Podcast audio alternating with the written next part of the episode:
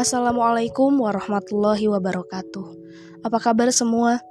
Semoga selalu dalam kesehatan di mana pun kalian berada. Dan untuk yang sedang berjuang untuk orang-orang yang disayangi, semoga selalu diberikan kelancaran dan kemudahan. Amin.